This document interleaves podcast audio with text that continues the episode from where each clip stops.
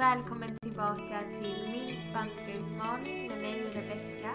Om du är ny till podcasten så läser jag till lärare i spanska och engelska och bor just nu i Spanien där jag pluggar till lärare. Och jag pratar ofta om tips här på podden och språk och hur vi kan bli bättre, få motivation och liknande. Men ett tema som jag inte har rört väldigt mycket än är det här med att känna sig bekväm när man pratar. Och det är roligt för jag har ju ändå läst spanska i väldigt många år. Jag tror närmare tio år sedan jag började på högstadiet som många andra med moderna språk, spanska. Och det som jag tycker är väldigt roligt och kanske lite sorgligt också är att nästan aldrig har lärarna pratat om hur vi kan känna oss mer bekväma när vi ska prata. Det är nästan som att det förväntas att så länge du kan verben och du har ett gott ordförråd och kan några fraser, ja men då, då är det bara att köra och då ska du känna dig 100% bekväm och kunna prata på språket. Jag kan säga personligen att så är inte alltid fallet och jag känner ofta, eller ibland, um, idag till och med, att trots min ganska bra nivå på spanska så tycker jag att det kan vara svårt att slappna av helt och hållet med konversationer. Det, det är som att eh, jag får påminna mig själv ibland om att Rebecka, det är okej okay att göra något fel eller det är inte hela världen om det blir si eller så. Och därför tror jag att det kan vara hjälpsamt att prata om hur man kan känna sig mer bekväm. Det här är alltså saker som jag försöker att tänka på när jag själv pratar på spanska här i Spanien och kanske kan du få hjälp av några av de här tipsen. Så jag tänkte dela upp det i tre steg. Ja, vi kan väl se det lite som en härlig trerättersmiddag. Alltså vi har före samtalet, under samtalet och efter samtalet. Lite olika saker man kan tänka på för att känna sig mer avslappnad under en konversation. Så om vi börjar då med vår förrätt, alltså det man kan göra för att känna sig mer avslappnad innan. Ja, något som brukar fungera för mig är att innan jag ska gå till exempel till en plats där jag vet att jag kommer prata mycket spanska eller om du vet att du har ett möte eller ja, du är helt enkelt säker på att det här är en situation då du kommer behöva prata på språket. Något som hjälper mig är att stanna upp och mentalt säga till mig själv i mina tankar att det här kommer du att fixa. Det här klarar du, det kommer gå bra. Um, gör bara ditt bästa och så ska du se att det, det kommer bli jättebra.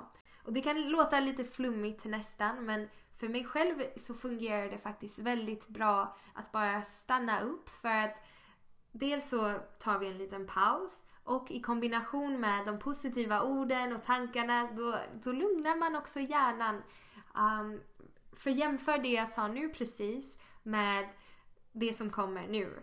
Åh oh, nej, åh oh, nej, hur ska det här gå? Oh, jag är så nervös, jag vet inte riktigt vad jag ska säga. Tänk om jag säger fel. Um, jag, jag kan inte så mycket i det här språket, det kommer de att märka. Tänk om de tycker att min dialekt är knasig, etc. Ja, nu kanske det här låter extremt eller väldigt uh, lätt för vissa. Det beror ju på hur man brukar känna sig. Men mitt exempel är framförallt bara för att visa att genom lite lugnande ord och att stanna upp innan samtalet så gör det en ganska stor skillnad sen i hur vi känner oss under det faktiska samtalet. Um, så välj hellre mitt första exempel över det mer stressiga, hektiska exemplet. Jag blev lite uppe i varv själv.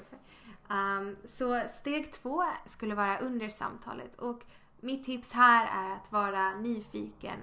Um, försök att flytta fokus från dina tankar och vad du ska säga och hur du har sagt ord till personerna i samtalet. Och det här är egentligen ganska kopplat till hur vi ska föra bra samtal ja, i alla vardagliga situationer. Helt enkelt försöka att lyssna och rikta din uppmärksamhet till talaren istället för att vara helt uppe i ditt huvud och i vad du ska säga näst.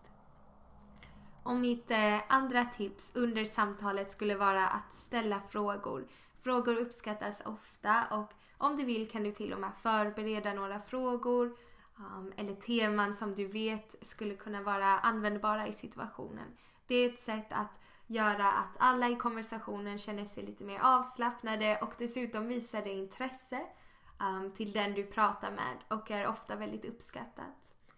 Så uh, då är vi framme i efterrätten alltså. Vi har sista steget. Det skulle vara efter samtalet. Så nu har du pratat med personen, personerna och om du känner att det gick bra, ja men då kan du tänka kanske lite på vad var det som gjorde att samtalet gick bra. Det är ingen djup analys som krävs här men bara en liten reflektion kanske.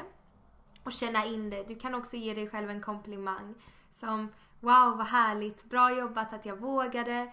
Um, och även om samtalet gick mindre bra, om du kände dig något obekväm eller sa något fel, ge dig själv en komplimang ändå. Vad duktig du var som vågade, vad bra att du försökte. Och nästa gång så fixar du det lite mer. Um, se på det lite som fotbollsspelarna till exempel som spelar på världsnivå.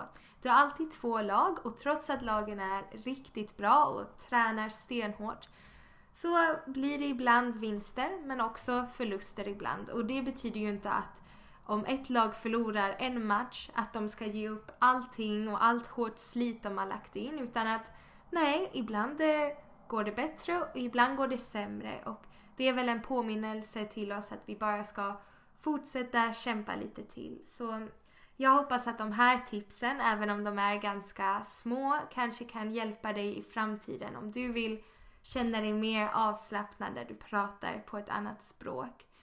Jag vet att jag själv i alla fall ska påminna mig själv om det här och jag eh, önskar dig stort lycka till i alla framtida samtal. Kom ihåg att du är modig som vågar och ja, det är bara inspirerande att se folk som pratar på ett annat språk, så tänk inget annat. Där har vi hela dagens avsnitt som som ni märkt handlat helt och hållet om att känna sig mer bekväm i samtal på ett annat språk. Det här är något som jag verkligen tycker är roligt och viktigt att prata om och om du känner någon som kanske skulle ha nytta av de här tipsen så dela gärna podcasten med den personen och kika gärna in de andra avsnitten här också på min spanska utmaning. Jag delar språktips, motivation och pratar också en del om min tid här i Spanien. Så får jag önska dig en riktigt härlig vecka och jag hoppas att du känner dig mer bekväm nästa gång du pratar på ett annat språk.